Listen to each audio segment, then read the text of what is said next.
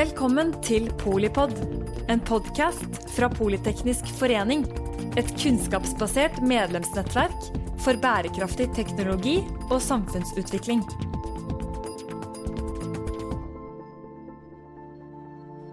Hei og hjertelig velkommen til dagens Polipod. I dag skal vi snakke litt om den eskalerende situasjonen i Ukraina. Eh, og vi skal eh, diskutere litt rundt utviklingen av nordisk eh, forsvarssamarbeid. Både hva det har å si i forhold til konflikten vi ser i Ukraina i dag, men også på lengre, mer strategisk sikt. Jeg er veldig heldig å ha med meg Håkon Lunde Saksi her, førsteamanuensis ved Forsvarets høgskole, som er aktuell med en vitenskapelig artikkel om nordisk forsvarssamarbeid i Arctic Review on Law and Politics, som eh, snarlig skal eh, publiseres i Tromsø. Jeg heter Hedda Bryn Langemyr, er daglig leder i Utsyn, Forum for utenriks- og sikkerhetspolitikk, og eh, har verv som leder av Samfunnssikkerhetsnettverket her i Politeknisk forening. Situasjonen i Europa har forandret seg mye de siste årene. Etter krigen i Georgia i 2008 og nærområdeinitiativet i Nato samme året har stadig mer av alliansens virksomhet fokusert på forsvar av Europa. Spenningen har økt mellom Russland og Vesten. USA har flyttet mye av sitt strategiske fokus til Sør-Kina-havet, og situasjonen i Ukraina har eskalert til kokepunktet. Det er fortsatt stor usikkerhet rundt hva utfallet blir.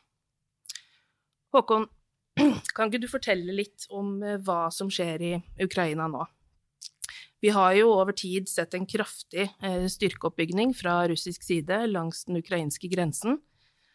Vil Macron eh, redde dette i landet nå, med, en stor diplomatisk seier som kanskje sikrer han gjenvalg? Får vi et nytt jernteppe i Europa med tydeligere inndeling mellom øst og vest, militært, økonomisk og handelspolitisk? Vil krigen i Ukraina potensielt utvides? Eh, hva, hva, er bakteppet? Hva skjer, og hva er utsiktene? Ja, tusen takk eh, da, for, eh, for, det spørsmålet. Um, det vi ser i Ukraina, eh, det er jo nå en russisk styrkeoppbygging av land-, sjø- og luftstyrker rundt Ukraina, og for så vidt også til dels i Østersjøområdet. Um, og Det er ikke første gang at Russland har bygd opp sine konvensjonelle militære styrker rundt Ukraina, men det er, dette er den til nå største oppbyggingen vi har sett så langt, som også inkluderer en ganske vesentlig oppbygging i eh, Hviterussland. Eh, og uh, etterretningsorganisasjonene mener nå, basert på det de ser av denne oppbyggingen, at dette er av en, av en annen alvorlighetsgrad enn det vi har sett tidligere, det man så f.eks. i sommeren i fjor. Uh, og Russland har kombinert dette militære presset mot Ukraina med å legge fram utkastet til to traktater, som de, uh, til, uh, to utkast til traktater som de har lagt fram for USA og for Nato, hvor de stiller en rekke krav til vestlige land. og Disse traktatene de har betydning langt utover det som angår Ukraina. De vil påvirke europeisk sikkerhet i, for all framtid. Um, kan du fortelle litt om, om hva disse kravene innebærer? Ja, eh, Hovedtrekkene i kravene er jo f.eks. at Nato og USA skal garantere at eh, Nato ikke vil bli utvidet eh, ytterligere. Eh, at man legger veldig sterke restriksjoner på eh, Nato-lands eh, mulighet til å være til, militært til stede, delvis på Natos territorium. altså de, de Nato-landene som ble medlem etter 1997, legger man egentlig i praksis lokk på militær tilstedeværelse fra de gamle Nato-landene i de nye Nato-landene. Um, og uh, man legger veldig sterke begrensninger på mulighet til å være til stede med luft- og, og sjøstridskrefter i nærheten av Russland. Man skal ikke kunne være til stede i nærheten av Russland med våpen som kan nå russisk territorium. For øvrig ingen begrensninger på uh, landets evne til å operere innad på sitt eget territorium. Um, så Russland legger ingen begrensninger på sin egen mulighet til f.eks. å bygge opp styrker, bortsett fra kanskje i Hviterussland. da. Uh, men Nato skal da ikke kunne ha militære styrker i nærheten av dem.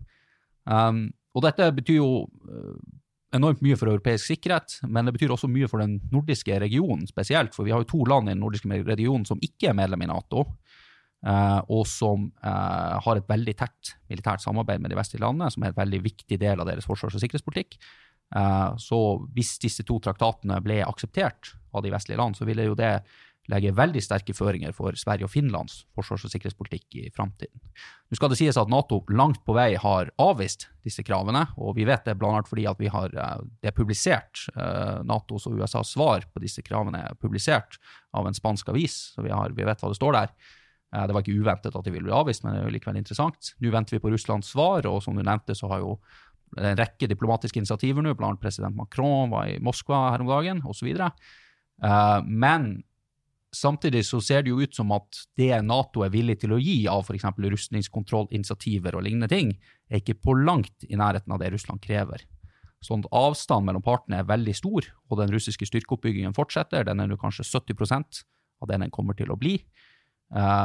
Så det man frykter, er jo nå at Russland, når de er ferdig med sin militære oppbygging rundt Ukraina, til de har nå 60, de vil kanskje ha opptil 100 eh, taktiske bataljonsstridsgrupper i framtiden rundt Ukraina, en ganske stor landstyrke på en 175 000 soldater. At de da vil bruke den landstyrken mellom 15.2 og begynnelsen av mars en gang til å angripe, utføre en eller annen form for militær aksjon mot Ukraina. Eh, det er det man frykter. Eh, så det er en skikkelig krise i europeisk sikkerhet for øyeblikket vi står overfor. Helt, helt åpenbart. Um, når du, når du, snakker om det nordiske elementet i dette altså, Norge var jo en av grunnleggerne av Nato og har vært med hele veien. Eh, Sverige og Finland er jo ikke det. Eh, men eh, de har uh, hatt et mye tettere samarbeid. både med alliansen og, bilateralt med USA de siste årene. og nå kommer det jo, eller har kommet i stand, et operativt planverk for, eh, for nordisk engasjement i krise og krig. Eh, kan du ikke si litt mer om altså utviklingen her, eh, kanskje spesielt da fra 2014? Og, og litt hva hva status for, for, dette er nå? Hva, hva betyr dette? Eh, både for eh, det sikkerhetspolitiske bildet eh, i Norden, altså vis-à-vis -vis Ukraina, men også, også, Nordens på en måte plass i europeisk sikkerhetspolitikk. Mm. Ja, altså når det gjelder Norden og Europas og den transatlantiske alliansens forhold til Russland etter den kalde krigen, så ønsket man seg jo et strategisk partnerskap med Russland, også på langt som mulig å integrere Russland inn i, inn i det europeiske og det euroatlantiske samarbeidet. Um, og uh, det er jo åpenbart at, at det, de anstrengelsene har slått feil, og det har hatt uh, veldig det har veldig alvorlige konsekvenser, ikke minst for nordisk sikkerhet, fordi vi ligger der vi ligger, og Russland er, er vår nabo. Um, og som du helt riktig sier, så er jo det slik at Norden er sikkerhetspolitisk delt. Tre av de nordiske landene er medlemmer av Nato, ble medlemmer av Nato i 1949. To av dem er Eh, ikke medlem i noen militær allianse. Sverige bruker sågar eh, begrepet militært alliansefritt om sin utenriks- og sikkerhetspolitikk. Um, men uh, de nordiske landene har siden slutten av den kalde krigen samarbeidet veldig tett i forsvars- og sikkerhetspolitikken. Um, jeg er glad i å bruke periodisering på en måte å liksom prøve å forklare utviklingen i det nordiske forsvars- og sikkerhetssamarbeidet. Og da kan vi si at Under den kalde krigen så hadde vi en periode som vi kan kalle for avståelsesperioden når det gjaldt nordisk forsvars- og sikkerhetspolitikk. Pga. at de nordiske landene var sikkerhetspolitisk delt, hvor tre av dem var medlemmer av Nato, eh, to av dem var ikke medlemmer av Nato, og særlig Finland hadde et veldig vanskelig forhold til Sovjetunionen og var bundet av en såkalt vennskaps- og samarbeidstraktat med Sovjetunionen, som de ikke ønsket, men som ble, påtvunget så var det ikke mulig å få til noe særlig forsvars- og sikkerhetssamarbeid i Norden. Uh, unntak, et unntak var tradisjonell fredsbevaring i regi av FN, som ble utviklet fra ca. begynnelsen av 1960-tallet, og hvor de nordiske landene var pionerer. Men det var også det ene unntaket. Så etter den kalde krigen så fikk man et gryende samarbeid.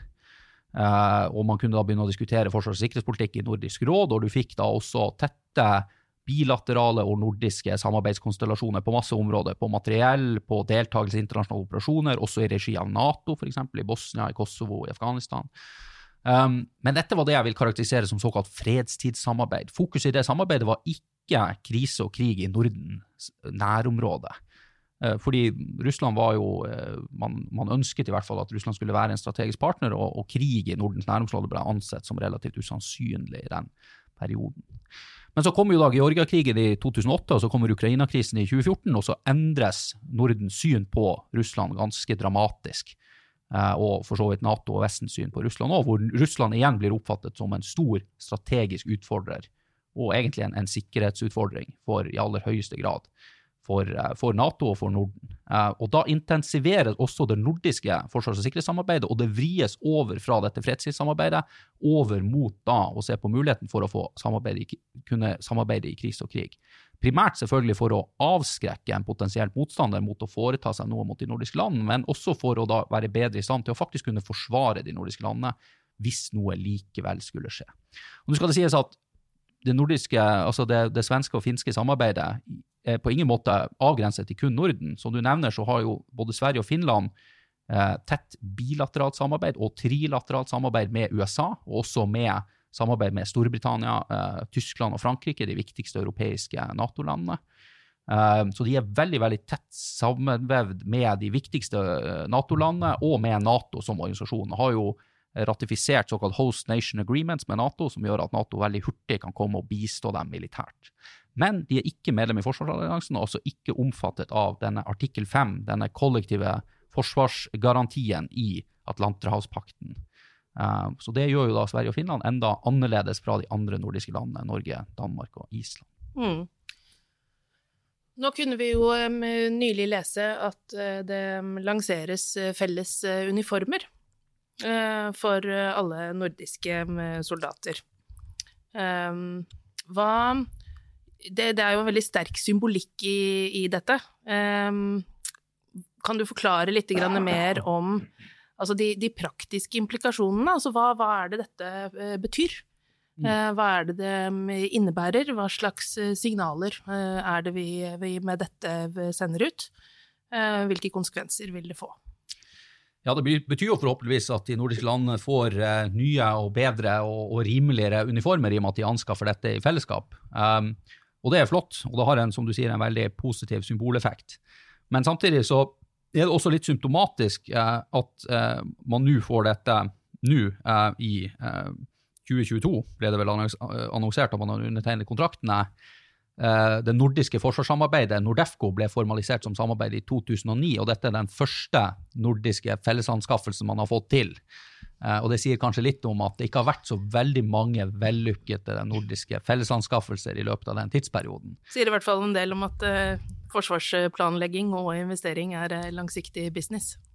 Det gjør det absolutt, men det har vært veldig mange forsøk på å få til nordiske, og for så vidt også bi- og trilaterale anskaffelser mellom de nordiske land, og det har vært en del suksesser, men også vært mange mislykkede forsøk. Og Det er kanskje en del av dette fredstidssamarbeidet mellom slutten av den kalde krigen og 2014 som jeg snakket om, som ikke har fungert så godt, det er nettopp disse materiellanskaffelsene, som eh, særlig kanskje mellom Norge og Sverige har fungert såpass dårlig at man til dels egentlig har sluttet med å forsøke. Fordi man, eh, man hadde en del ganske dyre og vanskelige tilbakeslag, f.eks. på artilleri, til dels også på ubåter. Eh, fra svensk perspektiv også på kampfly, skjønt Norge deler ikke den oppfatningen. så, så, du hadde en del ganske, ganske store tilbakeslag på materiellområdet. Men som sagt, siden 2014 så har jo samarbeidet fått en ny giv, et nytt fokus. Og der har man gått veldig veldig langt um, inn i denne krise- og krigssamarbeidet. Og du nevnte jo dette med operativt planverk. Det er ikke riktig at man har noe felles nordisk krigsplan for øyeblikket, men det kan hende at vi får en i framtiden, eller flere. Uh, for det man, eh, det man fikk i september 2020, var det vel, og da, deretter også i september uh, 2021, det var jo da først en avtale mellom Norge, Sverige og Finland om å se på muligheten for å koordinere sitt operative planverk og se på muligheten for å utvikle felles um, uh, operativt planverk for særlig Nordkalotten, altså den nordiske delen av de, eh, Norge, Sverige og Finland. Um, og Det det egentlig betyr, det er jo at de, disse landene skal se på muligheten for å koordinere og kanskje lage en felles krigsplan. Hva skal de gjøre hvis krisen kommer, hvis krigen er et faktum? Hvordan skal de agere da? Dette er ganske spesielt at, eh, at eh, flere land som ikke er allierte, eh, setter seg ned og lager, på, koordinerer sine operative planverk og kanskje lager en felles planverk til dels. Dette har Sverige og Finland allerede gjort. De to landene i Norden som ikke er medlem av en militærallianse, de har allerede gjort det seg imellom. Har, har de, de, militære staber har, har, gjort dette arbeidet, og de nasjonale parlamentene har allerede vedtatt det juridiske, slik at det er på plass. Slik at regjeringene i de to landene kan vedta å bruke dette planverket ganske hurtig for å gi hverandre militær bistand da, i, i krise. Uh, og nå ser man da en utvidelse av den samme til å oppfatte også Nato-landet, sånn at ikke Nato-landet og Nato-landet i Norden de gjør da det samme som Sverige og Finland allerede har gjort, eller forsøker å gjøre det samme. Fikk også en tilsvarende avtale mellom, mellom Norge, Sverige og Finland nå i fjor.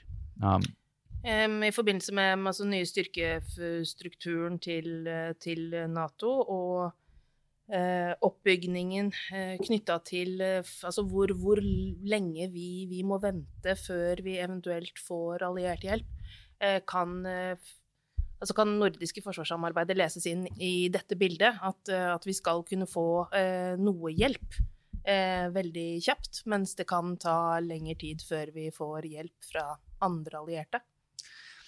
Jeg tror man må forstå denne sikkerhetspolitiske utviklingen. så på den måten at Norden, eller det nordisk-baltiske området, på mange måter er én strategisk region. De er skjebnen til landene i den nordisk-baltiske regionen, de åtte landene i det området, de er, den er veldig, veldig tett knyttet sammen. Og skulle det oppstå en større krise eller krig i denne regionen, um, så Eh, synes det er veldig usannsynlig at noen av dem skulle kunne stå utenfor eller være uaffektert av det som skjer.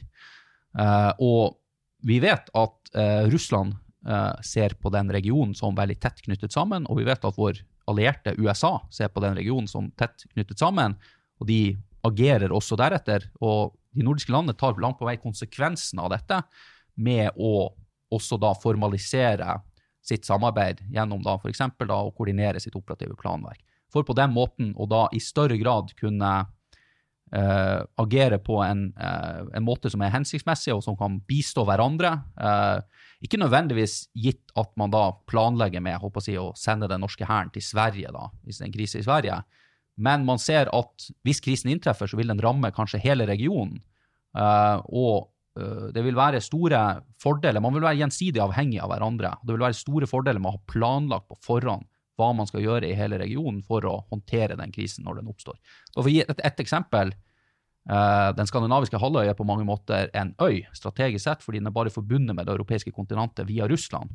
Uh, og Russland vil nok ikke tillate allierte forsterkninger å ta seg frem dit via Russland, som må komme over havet. Og må sannsynligvis komme til uh, Norge Eh, sånn at Sverige er veldig avhengig av Norge i den krisen for å få inn de forsterkningene som de sier at de forventer, selv om de ikke er alliert, så forventer de faktisk. Det sier de. forventer støtte fra USA og fra Vesten hvis krisen skulle komme. Og de må jo da kanskje komme via Norge. Så, sånn at de er knyttet sammen. Og Norge har også en rekke ting som vi trenger og, og ønsker fra Sverige hvis en krise skulle ramme oss. Så, uh, så, det er det man sannsynligvis da sitter og planlegger for. Men um, altså for, for mange det er jo selvfølgelig, det er, det er selvfølgelig et issue, dette at eh, eh, altså Sverige og Finland ikke er eh, Nato-medlemmer, og at det derfor har virket litt rart at vi skulle ha et så veldig tett forsvarssamarbeid med dem. Eh, men kulturelt sett og historisk så, så, har vi jo veldig tette bånd, og det er kanskje ikke så overraskende likevel. Eh, når det gjelder Baltikum, og um, Østersjøområdet, så, så, vil jeg jo anta at det er, det, det er fjernere for folk å, å, tenke på dette som ett og samme eh, strategisk eh, storområde. Når vi snakker om eh, nærområdepolitikk, så snakker vi veldig ofte om eh, nordområdene og hva som skjer, eh, i hvert fall nord for Trondheim. Eh, så kan ikke, du, kan ikke, du, si litt mer om hvordan du opplever at, at de ulike stormaktene Eh, ser på dette strategiske rommet. Eh, og, og, hvorfor det er eh, naturlig at vi eventuelt også gjør det samme. Mm. Ja, som du sier, så er vi jo i Norge veldig fokusert på våre egne nordområder. Og jeg vil kanskje driste meg til å si at vi er noe navlebeskuende i vår forsvars- og sikkerhetspolitikk. Uh, vi, vi, fokuserer veldig på våre egne nordområder. Um, selv om siden 2014 så har vi sett en økt oppmerksomhet rundt den utsatte stillingen til de baltiske statene. Og Norge har vært blant de landene som tok en, en ganske foroverlent eh, positur etter 2014 for å sende tydelige signaler om at de baltiske statene var eh, beskyttet av Nato-medlemskapet. Og vi roterte jo norske luft-, sjø- og landstyrker til de baltiske statene etter Ukraina-krisen i februar-mars 2014 for å sende et tydelig signal til Russland om at de baltiske statene var beskyttet og en del av Nato. Eh, og gi dem støtte på samme måte som vi vil forvente støtte hvis noe skulle ramme oss. Um, og hvis en krise skulle komme i den nordisk-baltiske regionen, så antar man jo, det er i hvert fall vanlig å anta, at den krisen først vil inntreffe i Østersjøområdet. Og f.eks. da ramme de baltiske landene, som er veldig strategisk utsatt. Eh, den amerikanske eh, forskningsstiftelsen Rand gjennomførte jo et berømt eh, spill i 2015, var det vel, som ble publisert i 2016, hvor de anslo at Russland kunne erobre Estland og Latvia i løpet av ca. 60 timer. Det var veldig lite Nato kunne gjøre for å hindre det. Så disse landene er veldig geopolitisk eksponert. Um, Norge er nok kanskje litt mindre geopolitisk eksponert, vi, men uh, vi grenser til Kolahalvøya, hvor den russiske føderasjonen har store deler av sine strategiske nukleære styrker. Og de har en enorm strategisk betydning for Russland. Så sikkerhetsutfordringen for oss er at hvis en krise inntreffer, inntreffer en annen sted, f.eks. i Østersjøområdet, så vil Russland da potensielt kunne iverksette tiltak i våre nærområder i, uh, i Arktis for å fra deres perspektiv da, sikre sine strategiske nukleære styrker på Kolahalvøya. Uh, og det da kan, vil da kunne ramme Norge. Vi kan da bli trukket inn i en krise som vi i utgangspunktet ikke er en del av pga. vår geopolitiske beliggenhet ved siden av Kolahalvøya. Mm. Um, slik at vi er også eksponert for en såkalt uh, horisontal eskalasjon da, fra russisk side. Uh, nå har det jo nylig blitt nedsatt en forsvarskommisjon som skal jobbe med de, de mer langsiktige linjene i uh, norsk forsvars- og sikkerhetspolitikk. Uh, de står jo uh, i en form for spagat her med en kjempekrise i Ukraina, som, som, er umiddelbar, og som er her, og som er nå. og det mye mer på en måte langsiktige, strategiske arbeidet for, for hvordan vi skal innrette sikkerhetspolitikken vår. Kan du, kan du si litt om altså, hvordan denne, denne, konflikten i eh, Ukraina vil spille inn på eh, det mer langsiktig strategiske? Jeg refererer bl.a.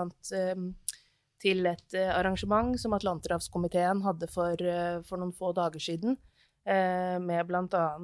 professor John Mersheimer ved universitetet i Chicago eh, som er veldig, ja, vil, vil, jeg si, utvetydig og klar på at eh, verden er i endring. Vi går fra en unipolar til en multipolar eh, verdensorden. Eh, Kina seiler opp som den nye strategiske rivalen. Eh, Russland er mindre interessant. Kina er eh, viktigst. Midtøsten med olja er nest viktigst. Europa kommer inn på en litt stussligere tredjeplass. Uh, hvis det er slik at uh, Europa nå må ta høyde for at de i mye større grad må ivareta egen sikkerhet, um, hvordan bør um, Forsvarskommisjonen um, adressere dette? Hva, hva, vil du si er de mest sentrale problemstillingene som vi er nødt til å uh, både debattere i den norske offentlighet, nå i sanntid mens arbeidet pågår, men også for å, for å, forankre på sett og vis en mer um, langsiktig sikkerhetspolitikk for Norge. Mm. Ja, godt spørsmål. Altså, John Ersheimer og, og, flere andre såkalte neorealister som jobber med, med, amerikanske universiteter innenfor internasjonal politikk, de har jo argumentert lenge for at USA burde trekke seg ut av Europa. Trekke seg ut av Nato og fokusere på det som er deres strategiske hovedutfordring, altså Kina. Um, vi, eh, siden 2014 så eh, har jo USA økt sin tilstedeværelse i Europa. Eh, Nå tror jeg John Mersheimer har helt rett i at USA vil i framtiden fokusere primært på Kina og Øst-Asia. Europa blir ikke det primære innsatsområdet for USA. Men likevel så tror jeg at den amerikanske tilstedeværelsen i Europa og i Nato kommer til å fortsette. Så Europa må ta en større del av ansvaret for europeisk sikkerhet, ja. Men jeg tror ikke vi blir å se jeg håper i hvert fall ikke at vi blir å se en amerikansk tilbaketrekning fra Europa, slik som Mersheimer og andre har argumentert for. Um, selvfølgelig. Men, men, det er klart at Trump-perioden satte jo en støkk i mange europeiske politikere, og gjorde jo at man, uh, ja, man stilte spørsmålstegn med hvor, hvor sikker kan man være på den amerikanske tilstedeværelsen. Og særlig Norge, som jo har satset veldig hardt på det transatlantiske kortet. USA er vår desidert viktigste allierte. Naturlig nok, de står for 70% av Natos rustningsutgifter, så de er jo det viktigste landet i Nato. Men vi er veldig avhengig av amerikansk støtte. Uh, men jeg, tror vi jeg tror på kort sikt at en amerikansk tilbaketrekning fra Europa er usannsynlig, men jeg tror det er riktig at de kommer til å fokusere på Øst-Asia, at må, Europa må steppe opp og uh, ta, sin, ta, en større del av byrden i Nato og ivareta, forsvars, uh, ivareta sikkerheten i våre egne nærområder. Og Det vil være en viktig rolle for den forsvarskommisjonen. Det vil være å kommunisere det tydelig til norske politikere, til norsk offentlighet, at nå er det alvor. Vi må øke våre anstrengelser. Eh, Norge nådde 2% av bruttonasjonalprodukt under eh, koronakrisen som ble brukt på Forsvaret.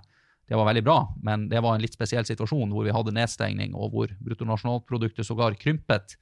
Vi hadde nok ikke nådd det målet uten det. Så, um, så vi, må, eh, vi må forsere den eh, allerede signaliserte oppbyggingen av vår, forsvars, eh, vår nasjonale forsvarsevne. Og vi må styrke samarbeidet med de nordiske landene og med de viktigste nordeuropeiske landene, som er naturlige støttespillere for oss, og som kan suppellere, ikke erstatte, men suppellere USA i forsvaret av våre nærområder. Det skal jo også sies at John Mershammer og en, uh, han har jo også tatt til orde for at uh, Russland sine krav uh, i Ukraina-krisen er, er, rimelige, og, og, at det er Vesten som er ansvarlig for denne krisen.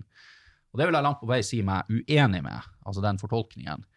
Um, altså Årsaken til at denne krisen har oppstått, det er at de sentraleuropeiske og østeuropeiske landene, og også mange av landene i det tidligere Sovjetunionen, har ønsket seg inn i de vestlige institusjonene, har ønsket seg inn i EU, ønsket seg inn i Nato. Uh, og hvorfor har de det? Jo, det er jo selvfølgelig flere grunner, men én veldig viktig årsak er jo selvfølgelig at de frykter Russland. De frykter Moskva. Uh, mange av disse landene var jo under, uh, under i praksis under sovjetisk styre da, som satellittstater i, i Warszawapakten i veldig mange år under den kalde krigen. De ønsker seg ikke tilbake til den situasjonen. Og den måten som Russland nå opptrer på overfor dem, det bekrefter jo bare at det de ønsket og det de, det de tenkte var riktig at uh, før eller siden så kommer Russland tilbake og opptrer nærmest som en imperial makt i sine nærområder og begrenser den utenriks- og sikkerhetspolitiske handlingsfriheten til, til, sine naboland. Så de ønsker ikke å havne i den situasjonen. Mm. Uh, og Ukraina uh, Jeg syns at mange av de i Norge som på en måte har gått ut og vist stor forståelse for Mershammer sine synspunkter, og som mener at Russland sine krav er rimelige osv., de tar ikke hensyn til at de 40 millionene polakkene, de 46 millionene ukrainerne, 10 millioner tsjekkere osv.. Alle disse folkene de ønsker ikke, og de ønsker å selv bestemme sin utenriks- og sikkerhetspolitikk og hvor de skal høre hjemme, og selv bestemme sin innenrikspolitikk, som de jo heller ikke fikk lov til under, eh, når de var en del av det i praksis sovjetiske imperiet under den kalde krigen. Uh, så det, det, Man tar litt for lett på ønskene til alle disse folkene som ikke ønsker å være russiske vasalstater, rett og slett. Deres, deres krav og ønsker må også tas inn i betraktning. og Det er årsaken til at Nato ble utvidet. Det var fordi de ønsket seg inn. Det var ikke fordi Nato ønsket dem inn, det var fordi disse landene desperat ønsket seg inn og jobbet for det målrettet i årevis, og til slutt fikk innpass. Uh, og Da fikk man også Nato-Russland-pakten, hvor man prøvde å ivareta i hvert fall noen russiske eh, sikkerhetsønsker, og det, det, holder man seg stadig til. Russland holder ikke sine avtaler som de har un eh, undertegnet på gang på gang, som garanterer disse landene suverenitet og uavhengighet. Um, veldig mange interessante poeng, og jeg skulle ønske uh, vi hadde mye mer tid til å gå dypere inn i, uh, i det hele. Men det er ikke noe tvil at, um, at som du sier, så, så, er jo Norge også som et mindre land um, Vi har jo vært utrolig godt tjent med den liberale verdensorden. Eh, vi er jo veldig godt eh, tjent med prinsippet om eh, selvbestemmelse og prinsippet om at folk skal få hjelp når de trenger det. Som et land som er så avhengig av både USA og andre allierte som du har påpekt, så er det helt åpenbart at vi er programforpliktet, nærmest, til å både inneha det standpunktet og jobbe for det standpunktet videre, både i alliansen og, og globalt. Men så, så, er det jo sånn at med denne endringen som vi nå ser fra en unipolar til multipolar eh, maktstruktur, eh, at det kan tenkes at det er andre eh, interesser som blir mer fremtredende, og at det blir vanskeligere å opprettholde en del av disse liberale prinsippene som vi har opparbeidet oss og skjøttet noenlunde greit siden andre verdenskrig. Nå skal Nato inn De jobber jo på spreng med sitt nye strategiske konsept. Som du var inne på tidligere, så, så, skapte jo Trump en del usikkerhet. Men, men, også før Trump, altså Obama, var jo også veldig tydelig på dette at Europa i større grad måtte klare seg selv. Og at implisitt at USA også kommer til å trenge litt hjelp mot Kina. Dette mistenker jeg kommer til å bli en, en dragkamp internt i, i Nato altså mellom europeiske eh, interesser og det økte strategiske fokuset på Kina. Eh, hva som blir utfallet av det, eh, finner vi jo ut av da i juni. Hva Helt til slutt, hva burde Norges one-liner til forhandlingsprosessen med det nye strategiske konseptet være? Det viktigste som Norge bør fokusere på i det nye strategiske konseptet, det er jo at eh, Nato er en kollektiv forsvarsallianse. Eh, og fokusere på det vi kaller for kollektiv forsvar, altså det militære forsvaret av, av, Natos medlemsland. Det betyr i praksis å fokusere på Russland som en sikkerhetsutfordring. Og så og, og, det tror jeg ikke det er så, faktisk så stor uenighet om lenger som det var bare for noen få år tilbake siden. Altså For noen få år tilbake siden så var det en del land i Syd-Europa som ønsket å fokusere på migrasjon, terrorisme og kaos i, i Afrika og Midtøsten, og de så på det som hovedutfordringa. Var ikke helt overbevist om at Russland egentlig var noen sikkerhetsutfordring for Nato som allianse. Um, der har, uh, har nå Russlands agerende, bl.a. rundt Ukraina, gjort at også mange land i Syd-Europa, som Italia og Hellas, har fått øynene opp for at Russland er en reell sikkerhetsutfordring for Nato som allianse. Um, uh, den andre store tingen er jo selvfølgelig Kina som en utfordring. Um, hvor langt skal man gå i å imøtekomme amerikanske ønsker om å definere Kina som en sikkerhetsutfordring for Nato som en allianse? Uh, det er det uenighet om. Jeg tror at uh, vi vil være tjent med å imøtekomme noen av de amerikanske ønskene. Kina er en autoritær stormakt. Du sa at verden var på vei fra et Eh, unipolart til et multipolart system. Det er de som mener at vi er på vei mot et unipolart til et bipolart system. Dvs. Si at du har to supermakter, USA og Kina. Og våre interesser tror jeg er tjent med å stå ved vår tradisjonelle demokratisk allierte USA i den eh, rivaliseringen eh, og, og, ta en tydelig standpunkt mot et autoritært Kina. Men det er det ingen enighet om for øyeblikket, og, og, Norge har ikke tatt den posisjonen for øyeblikket. Så det blir spennende å se hvordan man posisjonerer seg på det spørsmålet. Um, da er vi faktisk nødt til å avslutte her, og så får vi uh, følge opp uh, nærmere Nato-toppmøtet i uh, juni. tusen takk til deg, Håkon Lunde Saksi, for dine bidrag her i dag. I morgen skal du på NRK og snakke om akkurat det samme, men du var her først. Jeg heter Hedda Langmyr, er daglig leder i Utsyn, Forum for utenriks- og sikkerhetspolitikk. På gjensyn. Takk for at du lyttet til Polipod fra Politeknisk forening. Få med deg flere episoder, eller bli med på nettverksmøtene som du finner på at polyteknisk.